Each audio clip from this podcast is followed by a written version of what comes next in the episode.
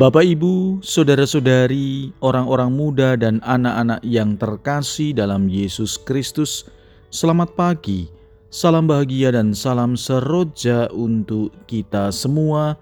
Berkah dalam bersama dengan saya, Romo Antonius Garbito Pambuaji, menyampaikan salam dan berkat Allah yang Maha Kuasa dalam nama Bapa dan Putra dan Roh Kudus. Amin. Hari ini Selasa 22 September dalam pekan biasa ke-25. Bacaan pertama dalam liturgi hari ini diambil dari kitab Amsal. Bab 21 ayat 1 sampai dengan 6 dilanjutkan 10 sampai dengan 13. Bacaan Injil diambil dari Injil Lukas bab 8 ayat 19 sampai dengan 21. Pada suatu hari Datanglah ibu dan saudara-saudara Yesus hendak bertemu dengan dia. Tetapi mereka tidak dapat mencapai dia karena orang banyak. Maka diberitahukan kepada Yesus, ibu dan saudara-saudaramu ada di luar dan ingin bertemu dengan dikau. Tetapi Yesus menjawab, ibuku dan saudara-saudaraku ialah mereka yang mendengarkan sabda Allah dan melaksanakannya. Demikianlah sabda Tuhan, terpujilah Kristus.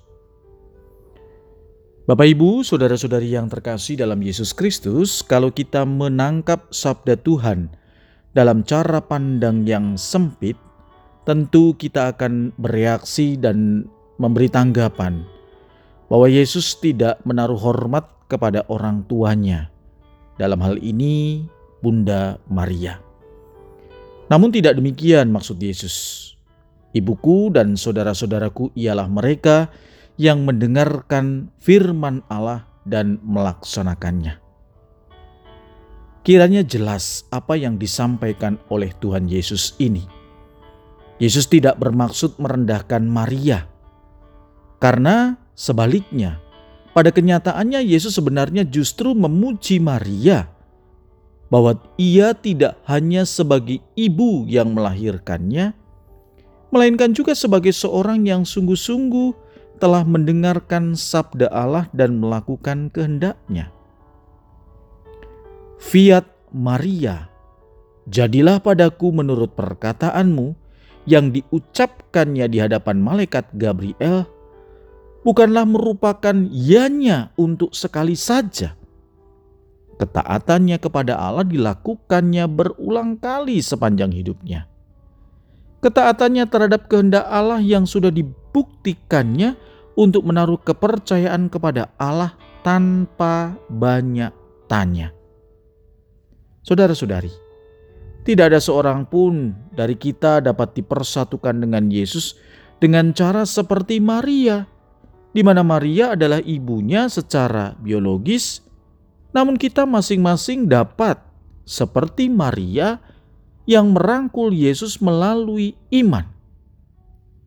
Melalui ketaatan kepada sabdanya, kita pun dapat dipersatukan dengan Yesus sebagai anggota keluarganya. Oleh karena itu, mari kita menanggapi secara positif panggilan Bapa Surgawi bagi kita masing-masing.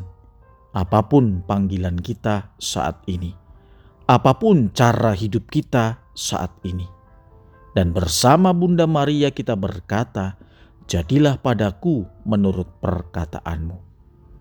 Selagi kita melakukannya, Allah akan memberkati kita dengan keberanian dan berbagai sumber daya yang kita butuhkan untuk melaksanakan misi yang juga merupakan misi Allah.